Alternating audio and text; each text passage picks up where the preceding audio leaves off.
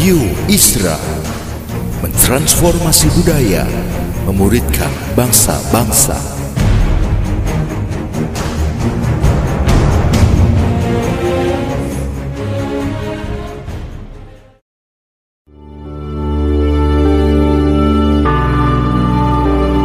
Apostolic Prophetic Messages mengungkapkan pesan dan arahan dari hati Tuhan bagi gerejanya demi menuntaskan mandat kerajaan Allah di Indonesia dan bangsa-bangsa. Selamat mendengarkan.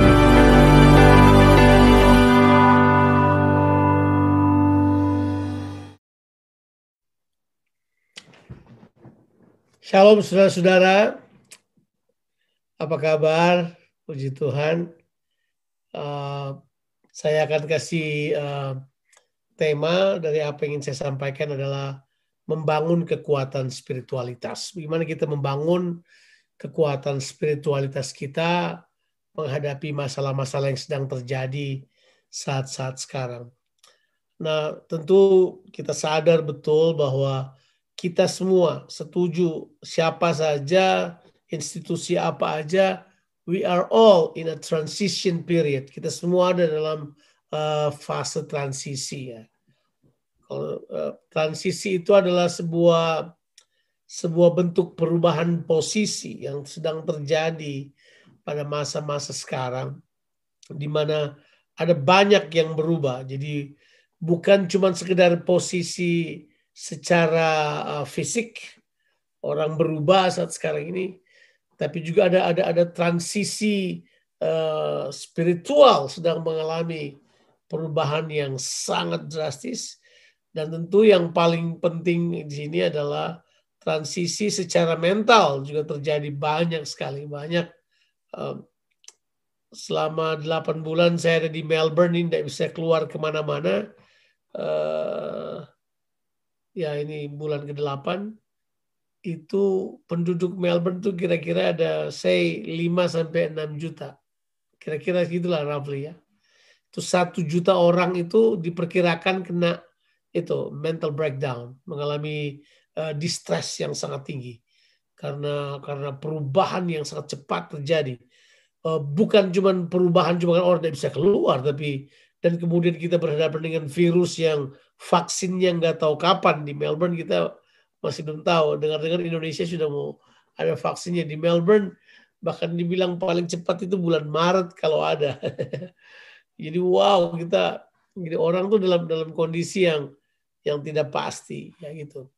Walaupun cara yang dibuat oleh pemerintah di sini bagus banget. Sekarang udah 30 hari zero cases ya. Nggak ada nggak ada lagi yang terpapar dan kita udah bisa keluar udah bisa lepas masker di luar udah bisa jalan. Penting jaga jarak dan seterusnya. Tapi uh, ada banyak yang berubah kan. Uh, gereja sebagai institusi misalnya berubah cepat sekali. Hal-hal yang yang sifatnya ritual sekarang udah dianggap nggak terlalu penting lagi. Karena orang sekarang mulai beribadah dengan cara yang personal dengan Tuhan tidak pakai pengantara lagi. Kalau saya pakai bahasa imam-imam profesional udah nggak perlu lagi ada di sekitar orang. Kita kemudian harus mengambil sendiri kesempatan untuk masuk di dalamnya. Nah, di, di, di pertengahan tahun ini sementara saya dan istri berdoa kami berusaha untuk mencari Tuhan ya, ya kita mendapatkan bahwa Tuhan bakal membawa kita ke seberang ya kita bakal menyeberangi pandemi ini kita akan lewatin ini semua Tuhan akan bawa kita pergi ke seberang tapi tentu kita paham betul bahwa waktu Tuhan membawa kita ke seberang dia nggak cuma mau pindahkan kita dari satu titik ke titik yang lain dia mau supaya sesuatu terjadi di dalam kita. Sehingga kita sampai di seberang, kita udah siap. Kita udah dikuatkan untuk masuk dan menduduki apa saja yang Tuhan mau kita capai. Saya mempercayai Tuhan akan membawa kita menyeberangi pandemi ini. Tuhan akan membawa kita menyeberangi tahun 2020 yang mungkin menurut segelintir orang adalah tahun yang tahun yang merupakan tahun malapetaka. Ada yang bilang ini tahun kesulitan, ada yang bilang apa aja. Tapi exactly seperti yang mereka bilang kalau kita lihat dengan kasat mata, banyak yang bertumbangan.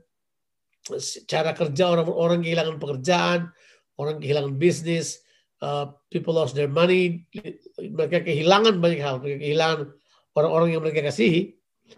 Tapi jelas, kita sebagai orang percaya harus mengerti bahwa Tuhan kita adalah Tuhan yang berinisiatif untuk membawa kita ke seberang. Ya kan? Jadi kita kita baca beberapa ayat firman Tuhan dan dari situ kita akan menarik uh, nuggets apa yang Tuhan mau sampaikan buat kita. Kita akan membaca dari kitab Injil Markus. Injil Markus pasalnya yang keempat. Ayat yang sudah biasa. I think selama pandemi ini saya mendengar ada Eh, enam tujuh orang teman saya mengkhotbahkan dari ayat-ayat ini. So ini bukan ayat-ayat yang yang asing bagi kita sekalian. So, ini ayat yang biasa banget. Ya, Markus pasalnya yang keempat ayat 35 sampai ayatnya ke-41. Ayat-ayat biasa. Ya. Nah, tentu kita baca ayat yang ke-35 dan dari sini kita akan membangun uh, pemahaman. Pada hari itu waktu hari sudah petang, Yesus berkata kepada mereka, marilah kita bertolak ke seberang. Mereka meninggalkan orang banyak itu, lalu bertolak dan membawa Yesus beserta dengan mereka dalam perahu di mana Yesus telah duduk eh, dan perahu-perahu lain juga menyertai dia. Lalu mengemuklah taufan yang sangat dahsyat dan ombak menyembur masuk ke dalam perahu sehingga perahu itu mulai penuh dengan air. Pada waktu itu Yesus sedang tidur di buritan di sebuah tilam. Maka murid-muridnya membangunkan dia dan berkata kepadanya, Guru, engkau tidak peduli kalau kita binasa. Ia pun bangun, menghardik angin itu dan berkata kepada danau itu, diam, tenanglah. Lalu angin itu redap dan danau itu menjadi teduh sekali. Lalu ia berkata kepada mereka, mengapa kamu begitu takut? Mengapa kamu tidak percaya? Mereka menjadi sangat takut dan berkata seorang kepada yang lain, siapa gerangan orang ini? Sehingga angin dan danau pun taat kepadanya. So let's ya mari kita kita bedah ayat-ayat ini ya. Kita akan lihat apa yang Tuhan mau. Sebelumnya mari kita berdoa sebentar lagi kita mohon Roh Kudus terangi kita. Bapa kami berdoa supaya Tuhan berbicara kepada kami. Roh Kudus terangi pikiran kami biar kami mengerti maksudmu apa yang kau inginkan dalam kehidupan kami dalam dalam kehidupan pribadi lepas pribadi dalam konteks kami masing-masing dan kami dapat mengaplikasikan firman Tuhan ini dalam kehidupan kami dan menang di dalamnya. Yang bersyukur kepadamu, urapi hambamu, bantu hambamu. Hambamu tidak bisa berbuat apa-apa tanpa engkau. Tolong hambamu untuk mengkomunikasikan firmanmu dengan bahasa yang dapat dimengerti. Biar kami semua diberkati oleh firman Tuhan. Haleluya. Amin. Nah, uh, ayat 35 beritahukan kepada kita bahwa transisi ini adalah inisiatif Tuhan. Jadi ditulis Yesus yang berkata kepada mereka, marilah kita bertolak ke seberang. Itu kata ditulis di dalamnya. Dalam bahasa bahasa Inggrisnya bilang begini, let us pass over onto the other side. Let us pass over. Terjemahan ini bilang let us cross over ya. Kata menyeberang, cross over atau pass over itu kata yang dipakai dalam terjemahan bahasa bahasa Inggris. Itu yang berinisiatif adalah Tuhan. Kita harus mengerti prinsip ini. Kalau Tuhan yang berinisiatif, nah kita harus paham. Kalau Tuhan yang berinisiatif itu berarti dia mau hal ini terjadi menurut kehendaknya, di dalam waktunya, dengan kemampuannya, dengan provisionnya atau penyediaannya. Dan, ya itu jelas. Di mana Tuhan mau hal tersebut terjadi seperti yang dia inginkan. Karena Tuhan kita itu adalah Tuhan yang punya rencana, dan dia punya tujuan. What is important adalah Tuhan selalu punya tujuan. Dan tujuan Tuhan di dalam kehidupan kita melewati apa saja, tujuan utamanya adalah supaya kita menjadi serupa dengan gambaran anaknya. Supaya kita menjadi serupa dengan Kristus. Itu tujuan utama. Itu tujuan sejak awal. Jadi kalau orang tanya tujuan apa Tuhan menjadikan manusia adalah supaya dalam keserupaan dengan Tuhan kita memerintah bersama dengan Dia. Jadi the the the purpose of God is certain. Jadi tujuan Tuhan gak akan pernah berubah. Pendekatan bisa berubah, ya toh. Situasi bisa berubah, tapi tujuannya tetap sama. Zaman bisa berubah, tapi tujuannya tetap sama. Tujuannya adalah keserupaan. Tuhan mau kita menjadi serupa dengan Yesus, dengan gambarnya. Sudah bisa baca itu di Roma 8 ayat 28 dan 29. Nanti kita bakal ke situ. Orang sih suka ayat 28. Padahal Tujuan dari ayat-ayat tersebut adalah ke ayat 29 supaya kita ini menjadi serupa dengan gambaran Yesus Kristus. Jadi semua yang menimpa kita pandemi ini tujuannya adalah supaya kita menjadi serupa dengan Kristus. Gak usah khawatir.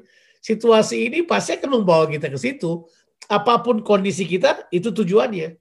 Nah, itu tujuannya udah jelas.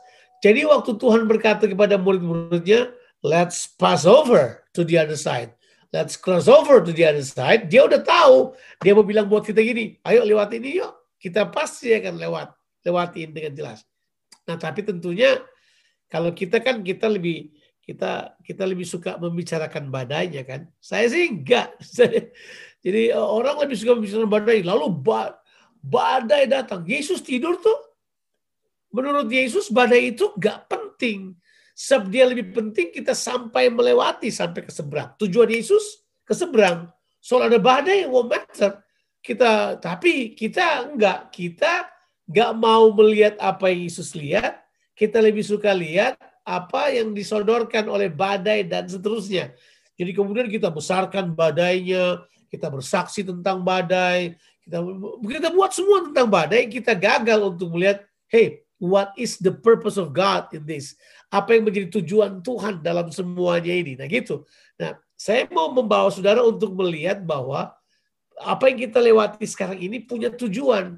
Dan tujuan utamanya itu supaya kita menjadi seperti Kristus. Nah untuk menjadi seperti Kristus kita harus memperkuat spiritualitas kita. Kita harus memperkuat realitas spiritual kita. Kalau spiritualitas kita kuat, itu akan mempengaruhi mentalitas kita. Kalau mentalitas kita kuat, itu akan mempengaruhi tindakan-tindakan kita, mempengaruhi pendekatan-pendekatan kita, mempengaruhi world view kita, mempengaruhi paradigma kita, mempengaruhi apa saja yang bakal kita lakukan. Tentu akan mempengaruhi keputusan-keputusan kita. Jadi jelasnya adalah kita mesti mulai dari situ. Nah, kita mulai dari situ. Itu itu hal yang paling penting. Nah, ya udah, kita lanjut. Ya, Ya sudah mereka meninggalkan, mereka membawa Yesus. Sepertinya mereka yang mengatur semuanya. Yesus di perahu ya dia tidur aja. Jadi Yesus nggak terganggu dengan badai. Yesus tahu badai bakal datang, dia nggak terganggu, dia nggak panik, dia tidur aja. Ya, saya mempercayai mungkin kita perlu belajar dari Yesus bagaimana tidur dalam badai, kira-kira kayak gitu. Bagaimana beristirahat dalam badai. Artinya dia tahu bahwa badai tidak akan menghancurkan dia. Karena dia tahu dia punya tujuan dalam kehidupan ini. Kalau kita tahu ada purpose Tuhan dalam kehidupan kita, gak ada apa pun yang bisa halangi kita. Kegagalan kita tidak akan hentikan kita. Semua kekacauan kehidupan kita tidak akan hentikan kita. Keluarga kita yang gak komplit lah. Pekerjaan kita yang gak pernah jadilah.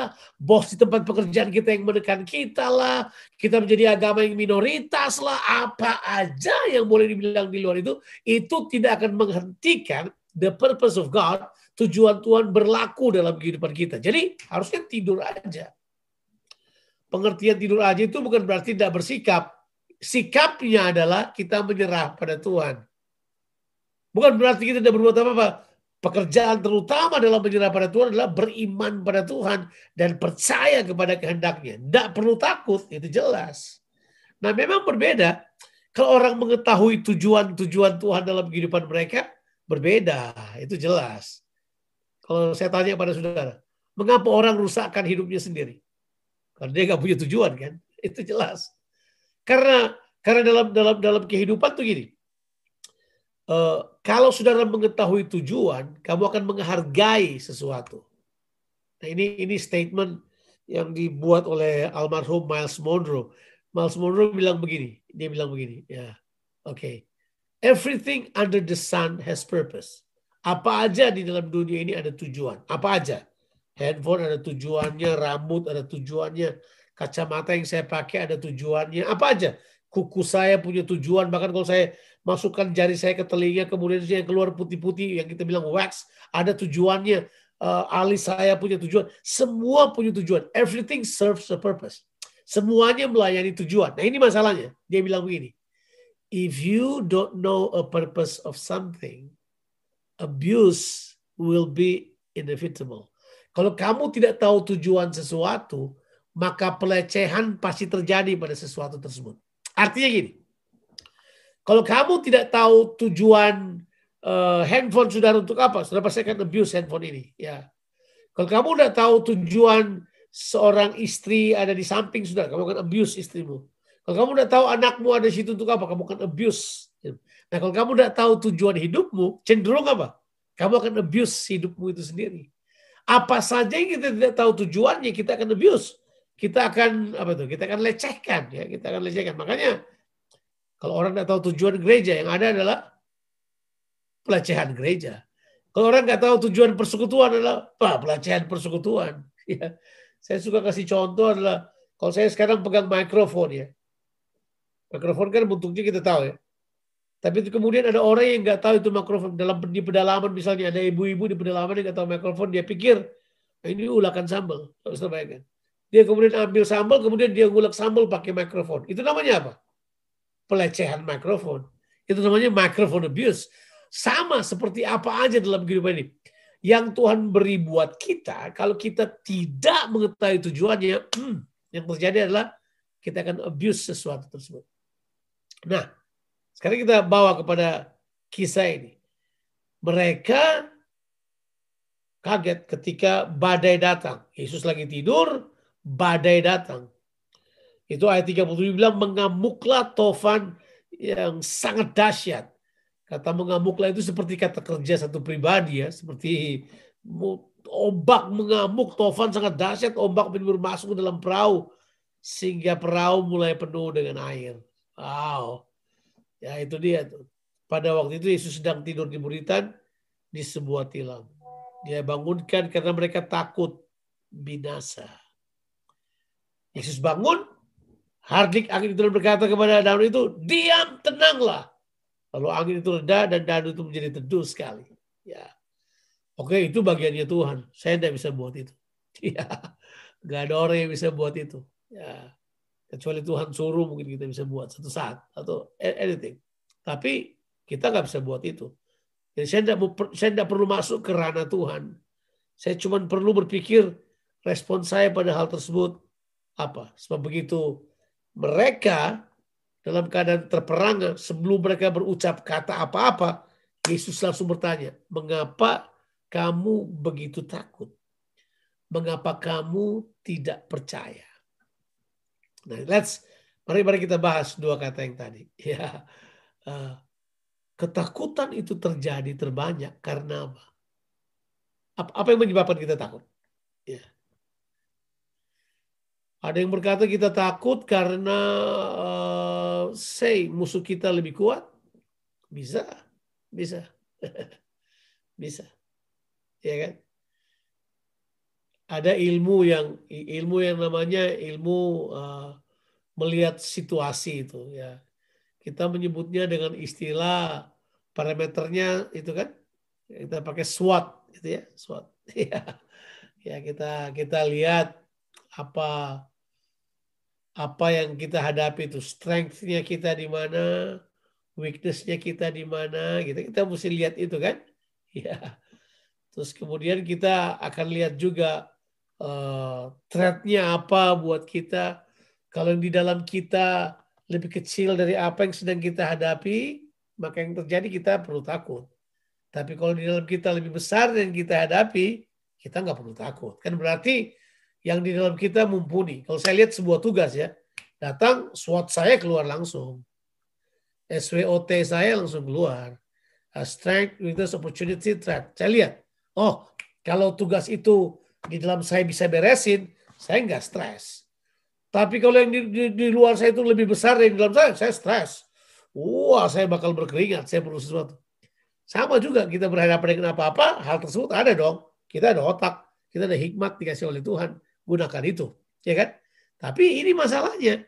Waktu kita lihat hal tersebut dan kemudian kita tahu yang di luar lebih besar dari dalam kita dan kita punya masalah. Makanya Tuhan mau tahu berkali-kali kan di Alkitab, aku ada di dalam kamu. Aku ada di dalam kamu. Aku berkuasa di dalam kamu. Uh, sampai kitab 1 Yohanes pasal 5, terlebih besar dia yang di dalam kita daripada yang ada di dunia ini. kan Kita baca ayat-ayat tersebut. It's greater uh, is he that is in us than he is in the world. Kita tahu hal tersebut. Kita tahu bahwa di dalam kita lebih besar. Berarti kalau dalam kita lebih besar harusnya You don't have to be afraid. Kamu nggak perlu takut. Ya kan? Tapi masalahnya rupanya, kenapa kamu nggak percaya bahwa yang ada di dalam kamu tuh lebih besar gitu aja. Padahal yang di dalam kamu udah besar. Kalau saya bilang perkataan ini kepada semua orang percaya. Do you believe that in you Jesus dwells? Kamu percaya nggak bahwa Yesus berdiam di dalam kamu? Lah ya itu harusnya kan. Kalau kita percaya hal tersebut. Nah masalahnya karena kita tidak percaya maka kita punya masalah. Nah, sekarang pertanyaannya, kenapa kita tidak percaya? Ah, itu berarti ada sesuatu yang perlu dibangun di dalam kita. Nah itu yang bakal kita bahas. Kita perlu membangun sesuatu di dalam kita supaya kita menjadi percaya. Kalau kita percaya bahwa di dalam kita lebih besar dari yang di luar kita, kita tidak perlu takut. Jadi Yesus berkata kepada murid-muridnya itu bukan soal natural. Dia sedang menanyakan, dia sedang menanyakan apa yang ada di dalam mereka. Dia sedang menanyakan spiritualitas mereka. Sebab saudara tahu dong, Petrus, Andreas, terus kemudian anak-anak Zebedeus, mereka itu apa? They are all fishermen. Mereka semua nelayan. Jadi kalau cuma lewat danau biasalah. Kena badai menurut, mereka biasa aja. Emang mereka tidak pernah alami badai? Biasa kok kena badai. Mereka nelayan-nelayan tangguh. Udah puluhan tahun ada di atas di atas danau. Mereka biasa menyeberang bolak-balik di rute itu. Itu bukan hal yang yang rumit buat mereka. Tapi yang Yesus tahu bahwa badai yang satu ini bukan badai yang menyerang skill nelayan mereka. badai ini mengancam kehidupan mereka. Jadi mereka tidak bisa berhadapan dengan badai itu dengan skill mereka. Mereka harus berhadapan dengan badai itu dengan apa? Kekuatan spiritual mereka. Nah itu itu yang berbeda. Ya seperti COVID ini kita melawan pakai apa? ilmu kesehatan yang berurusan sama bakteri dan virus juga virologi itu itu nggak tahu mau bikin apa mengenai hal tersebut. They even don't know what kind of virus is this. Mereka kemudian ya, bayangkan kalau orang bilang dengan cepat bisa punya apa punya vaksinnya menurut para ahli nggak mungkin. Kalau memang mereka udah punya vaksinnya berarti mereka yang keluarin virusnya begitu perkataan mereka. Karena untuk untuk untuk apa untuk vaksin buat sebuah virus butuh dua tahun at least apalagi yang apa yang apa deadly kayak ini wah itu bisa butuh waktu lebih banyak kira-kira begitu pemikirannya mereka tapi coba kita bayangkan yang terjadi di sini hanya orang-orang yang punya kekuatan dari dalam yang bisa bertahan kalau enggak mereka mati ketakutan it should be like that orang bisa mati ketakutan atau mati karena banyak hal yang lain nah saya pengen kita tidak mengkonsentrasikan pada badai itu. Saya mau kita konsentrasikan bagaimana mereka bereaksi kepada Yesus. Nah, ini dia ini. Ayat 41 bilang begini. Mereka menjadi sangat takut dan berkata seorang kepada yang lain, siapa gerangan orang ini? Sehingga angin dan danau pun taat kepadanya. Nah, kata takut di sini dengan takut yang di atas itu beda bobotnya. Takut yang di atas itu takut kehilangan nyawa Takut yang kedua ini adalah saya menyebutnya sebagai takut penyembahan ini. saya menyebutnya ini sebagai takut kepada Allah. Nah, dasar dari kekuatan spiritualitas kita itu ada pada takut kepada Allah, takut kepada Tuhan. Itu tuh dasar spiritualitas kita ada pada takut akan Allah ini. Dan mereka sekarang sudah punya itu ketika Yesus hadir semua berhenti. Ketakutan mereka itu adalah ketakutan penyembahan namanya. Saya nggak tahu apa saudara mengerti ini ya. Di di perjanjian baru, di, di perjanjian baru kata penyembahan itu paling tidak ada tiga kata kan yang dipakai. Ada yang namanya latreo, itu penyembahan, penyembahan yang sifatnya liturgis. Tapi ada yang disebut proskuneo. Kita tahu proskuneo kan yang artinya mencium. ya Itu Yohanes 4 ayat 23 itu uh, dan 24 itu adalah proskuneo kata yang dipakai. Proskuneo itu to kiss towards artinya jadi penyembahan yang karena hubungan intim dan pola hidup. Tapi ada kata yang ketiga itu kata yang dipakai adalah sebomai. Sebomai itu dalam bahasa Yunani itu punya pengertian adalah seorang yang menyembah dengan ketakutan. Seorang yang menyembah dengan bukan ketakutan karena teror ya, tapi ketakutan karena rasa hormat yang tertinggi. Yuk kita bahas soal takut akan Tuhan sedikit aja. Tidak akan lama. Karena takut akan Tuhan ini penting banget. Nah, memang benar di perjanjian lama memang lebih banyak membahas hal ini. Di perjanjian baru tidak terlalu banyak membahas tentang takut akan Tuhan ini. Tapi sebenarnya di perjanjian baru implikasinya udah jelas. Implikasinya lebih kepada hubungan. Kalau orang tanya pada saya, ini pertanyaan bodoh. ya Kamu takut nggak sama istrimu? Kalau saya bilang tidak, saya salah. Karena saya begitu mencintai istri saya. Saya memberikan penghargaan pada apa yang dia katakan. Saya punya ini pada istri saya. Reference. Saya hargai dia. Saya hormati dia. Bukan berarti kalau dia datang saya sembunyi. Kemudian kalau dia marah-marah langsung enggak. Saya kepala rumah tangga. Saya bisa pelototin dia ngapain dia. Tapi bukan itu kan idenya idenya kalau isi saya waktu saya lagi misalnya saya lagi keluar udah kemalaman sama teman-teman misalnya teman-teman saya gitu lagi keluar kemudian misalnya udah udah nggak tahan karena berteman lama minum kopi sampai tiga gelas itu dia akan tegur kopinya satu gelas aja jangan kok bisa tiga sih banyak kan itu. Saya dengar loh.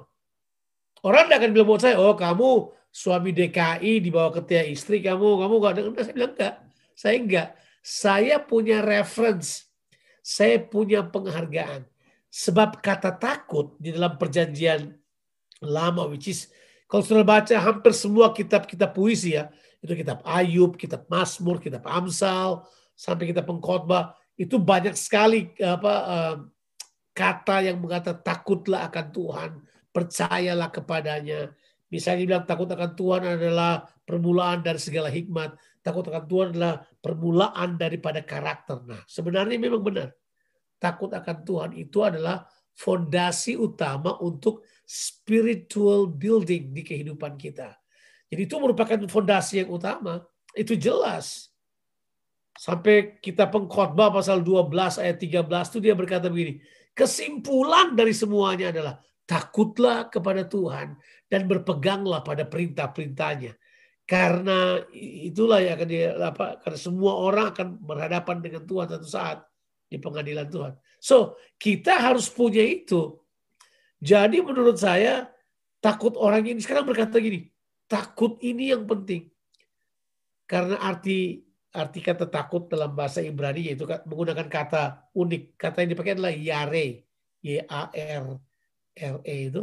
Yare itu punya pengertian adalah sebuah penghargaan yang tertinggi bagi pribadi yang kita kasihi atau yang kita sembah. Bayangkan. Jadi itu merupakan penghargaan yang tertinggi.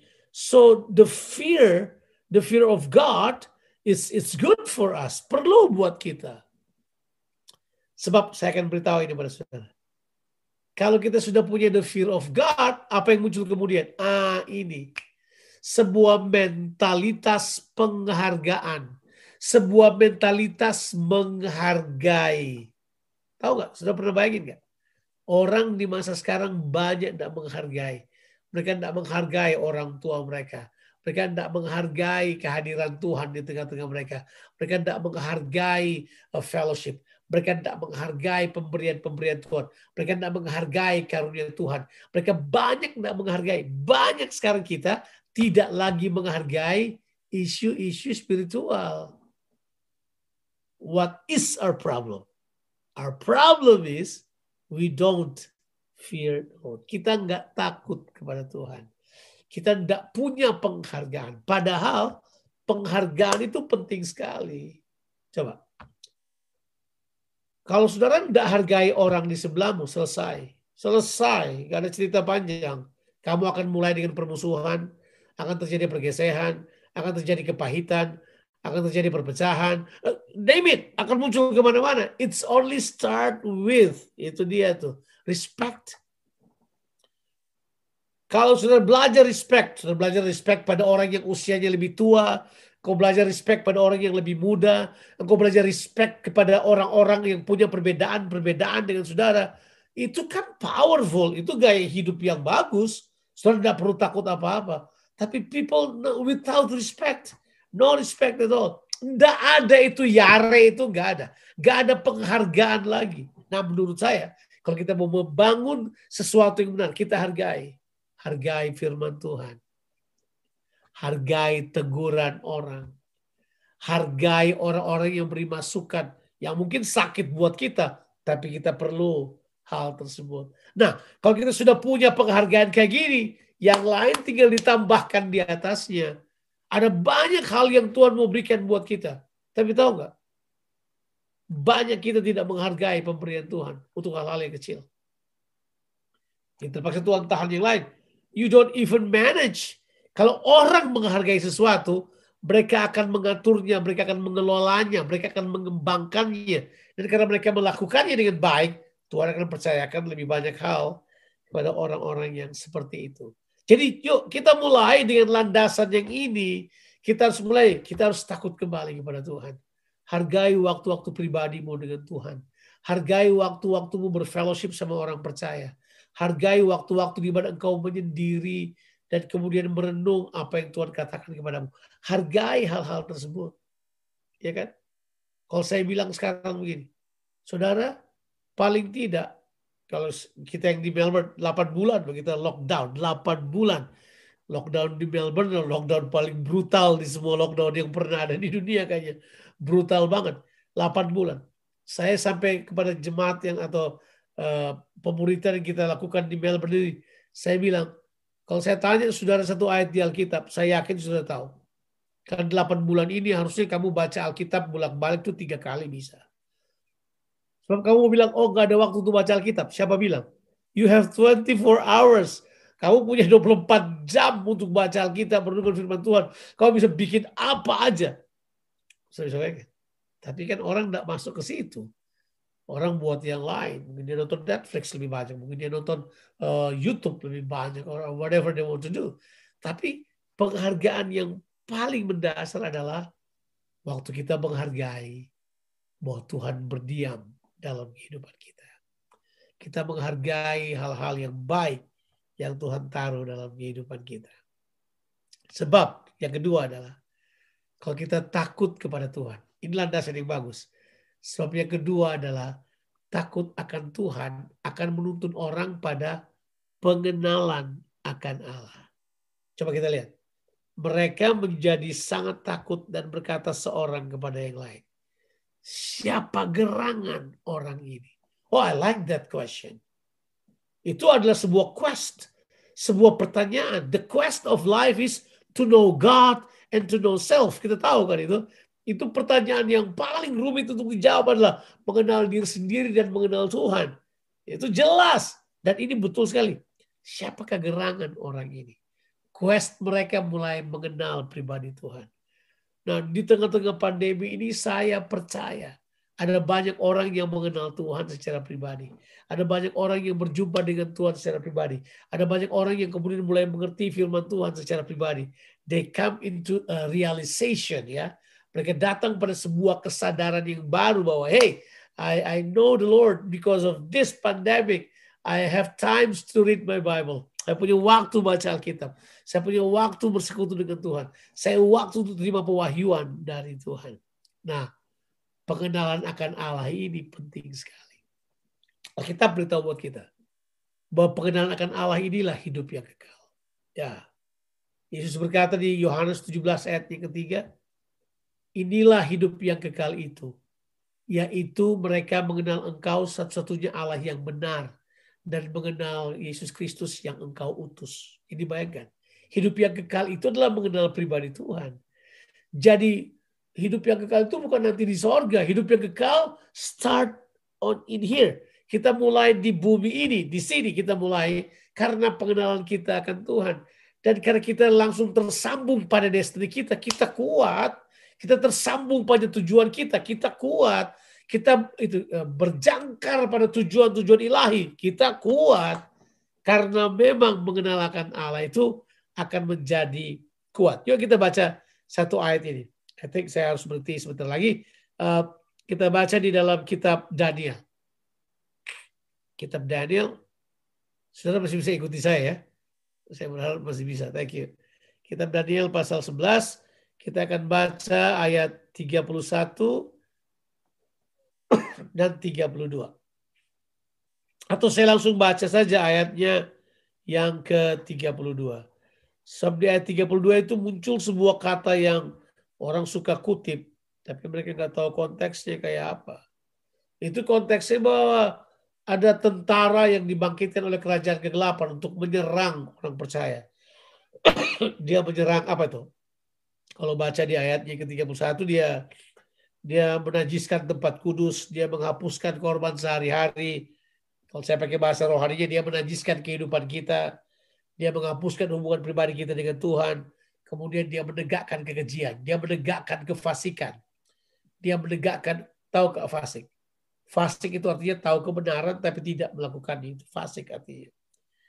Dan kemudian dan orang-orang yang berlaku fasik terhadap perjanjian akan dibujuknya sampai murtad dengan kata-kata licin. And then kata ini muncul. Tetapi umat yang mengenal Allahnya akan tetap kuat dan bertindak. And people who know their God shall be strong and do exploits. Itu kata bilang gitu. Eh? eh? And but the people that do know their God shall be strong and do exploits. Kata orang yang mengenal Allah ini akan menjadi kuat dan bukan cuma kuat, mereka bukan cuma sekedar kuat, mereka punya alasan untuk bertindak. Bukan bertahan, tapi bertindak melakukan sesuatu. Mereka mengerjakan apa yang Tuhan mau. Nah itu yang saya maksudkan bahwa Tuhan mau kita kuat secara rohani terbangun pada takut akan Allah. Pada pengenalan akan Allah. Ah, kalau dua ini udah kuat, saya yakin di dalam kita terbangun kekuatan yang powerful.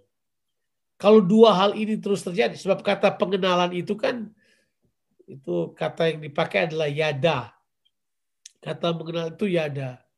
Kata yada ini dipakai juga untuk persetubuhan suami istri. Itu kata intim itu artinya. Hubungan intim. Yada itu artinya kalau saudara baca di uh, kitab kejadian 4 ayat yang pertama. Lalu manusia itu bersetubuh dengan istrinya. Tahu nggak terjemahan bahasa Inggrisnya? And Adam knew Eve. Kata Yada itu knew. Diterjemahkan dalam bahasa Indonesia adalah bersetubuh. Jadi itu adalah implikasi keintiman kita dengan Tuhan. Sebuah hubungan intim yang dibangun karena pemikiran-pemikiran yang mendalam. Karena keputusan-keputusan yang dewasa. Karena tindakan-tindakan yang nyata dalam kehidupan kita. Yang menjadikan kita sebagai orang yang mengenal dengan dewasa. Ada orang mengenal secara kanak-kanak. Kita mesti kenal secara dewasa. Karena keintiman kita adalah keintiman yang berurusan dengan kedewasaan. Nah, ada orang cuma mengenal begitu aja. Tapi kita mau mengenal dari dekat. Dan pengenalan ini menjadi akar dalam kehidupan kita. It become the root. Kita kemudian berakar kuat. Nah, bagian yang ketiga yang saya mau bilang kita perlu kuat adalah sebab begini. Selebihnya adalah kita akan menjadi kuat di dalam memanifestasikan kekuatan kita dari dalam. Ini kita sebut dengan kita berani bermisi dengan Tuhan. Ada output dari pengenalan kita akan Tuhan.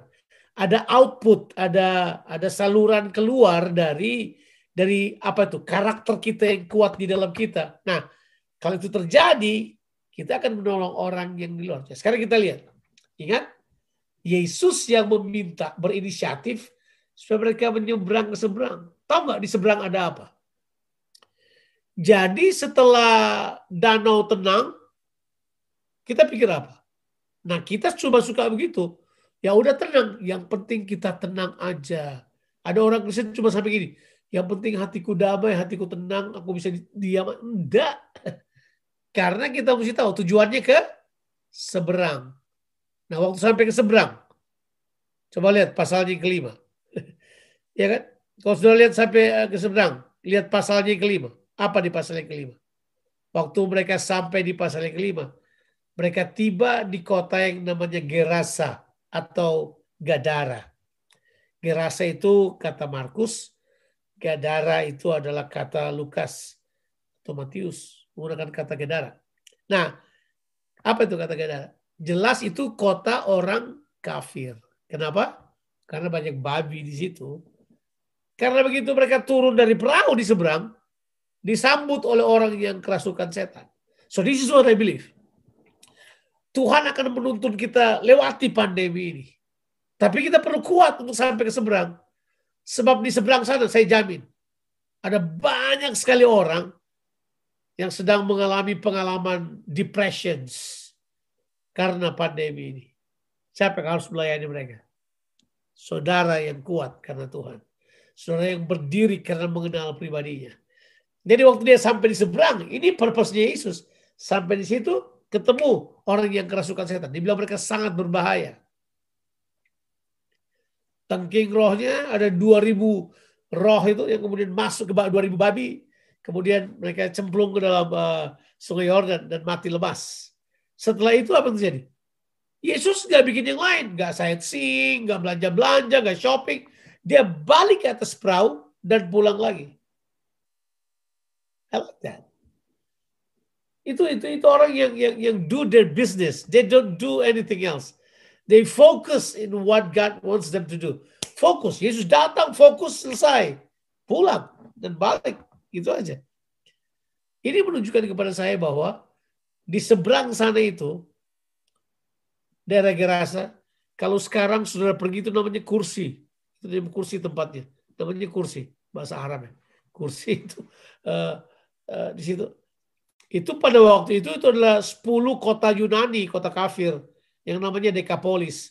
Kalau sekarang kalau pada waktu itu di dataran tinggi Golan sekarang itu kalau masuk ke dalam lagi ya Suria. Tapi kalau sudah perhatikan bahwa Yesus sampai di situ tolong orang ini dan balik kembali. Nah, apa pelajarannya buat kita?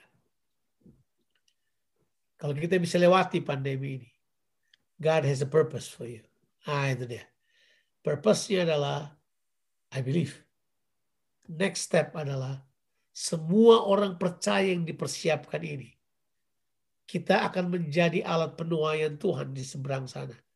Karena di seberang sana, thousands upon thousands of people, they're desperate ribuan orang sedang tertekan, sedang depresi, sedang mengalami masalah yang banyak kita harus menolong kehidupan mereka. Dan pelajaran ini akan jadi luar biasa. Sebab ini, outputnya di sini. Kalau sudah banyak mengarah ke sana, Tuhan akan kuatkan di sini. Paulus berkata begini, Aku dapat menghibur orang karena penghiburan Tuhan yang Tuhan berikan kepadaku. Dan kalau aku semakin menghibur orang, penghiburan Tuhan datang lagi. Saya menolong orang, Tuhan akan terus menguatkan kita. Sebab Tuhan adalah Tuhan yang memakai orang-orang yang dia percayai. Next thing ini yang saya mau beritahu pada saudara. Tuhan akan tuntun kita menyeberang ke seberang. Selebihnya, Tuhan akan membawa kita untuk menjadi orang-orang yang dipercayai untuk menolong orang lain. Saya ulangi lagi. Kita akan menjadi orang-orang yang dipercayai oleh Tuhan untuk menolong orang lain. Percaya pada Tuhan, it's betul, it's satu sisi dari sebuah koin, tapi dipercaya oleh Tuhan. Itu hal yang luar biasa. Dan Tuhan, untuk dunia lah, belum punya alat yang lain. Yang dia punya alat adalah manusia, gerejanya yang telah diubahkan oleh Tuhan. Ingat, gereja bukan gedungnya, gereja itu kita orangnya. Saya masih ingat Pangdam Sulawesi Tengah bilang begini, apa Kapolda Sulawesi Tengah bilang begini, tidak ada pembakaran gereja. Saya bilang Pak, yang gereja itu kita orangnya. Bangunan itu bukan gereja Pak, orang kita ini gerejanya Pak. Kamu boleh bakar gedung gerejanya, kita tidak terganggu. Tapi kalau kamu bunuh orangnya, ah, masih ingat Saulus? Dia aniaya orang percaya. Yesus berkata kepada Saulus, Saulus, Saulus, mengapa engkau menganiaya aku? Saulus berkata, siapa kamu Tuhan? Akulah yang kau aniaya. Akulah Yesus yang engkau aniaya. Kau usah khawatir saudara. Kita tetap memandang kepada Tuhan. Saya bersedih hati karena ada orang-orang. Tapi saya berkata kepada Tuhan. Mereka lebih mulia. Mereka telah mengambil sebuah langkah yang luar biasa. Saya mempercayai Tuhan akan sambut mereka seperti menyambut para martir. Tapi bagian kita adalah kita mempersiapkan diri kita. Karena ada banyak orang di luar sana. Dan siapa yang Tuhan bakal pakai? Mereka yang melewati semua proses ini bersama dengan Tuhan. Perkuat diri kita. Doa saya, kita akan terus menjadi pemenang dan menjadi orang-orang yang mencapai tujuan Tuhan dalam kehidupan kita. Tuhan Yesus adalah Tuhan. Dia berkuasa atas semuanya. Dia mau kehendaknya terlaksana menurut maunya, menurut caranya, dalam waktunya, dan dengan kekuatan kuat kuasanya. Tuhan memberkati kita sekalian. Mari kita berdoa sebentar. Bapa di sorga, hambamu sangat terbatas untuk menjelaskan. Hambamu tidak mampu untuk memberi pengertian Tuhan. Tapi hambamu tahu bahwa rohmu sanggup. Sementara hamba berhenti berbicara, rohmu terus berbicara dalam kehidupan setiap orang yang mendengarkan firmanmu. Memberi pengertian yang pas pada situasi dan kondisi mereka. Pada semua konteks kehidupan mereka. Aku berdoa roh kudus mampukan mereka untuk menjadi pelaksana kehendakmu. Tuhan Yesus terima kasih. Ajar kami untuk terus takut kepadamu, menghargai engkau, menghargai pribadimu. Menaruh engkau pada tempat yang terutama dalam kehidupan kami. Dan kami mau berdoa supaya kami terus mengenal pribadimu. Mengenal jalan-jalanmu, mengenal cara kerjamu, mengenal apa yang kau kehendaki dalam kehidupan kami. Tuhan, nyatakan dirimu buat setiap kami. We ask you, we ask for the anointing of the Holy Spirit wisdom and revelation turun ke atas kami sekalian Tuhan. Biar kami masuk lebih dalam pada pengenalan bersama dengan Tuhan. Terima kasih buat waktu ini. Berkati setiap orang. Dalam nama Tuhan Yesus Kristus kami berdoa. Amin. Amin. Thank you.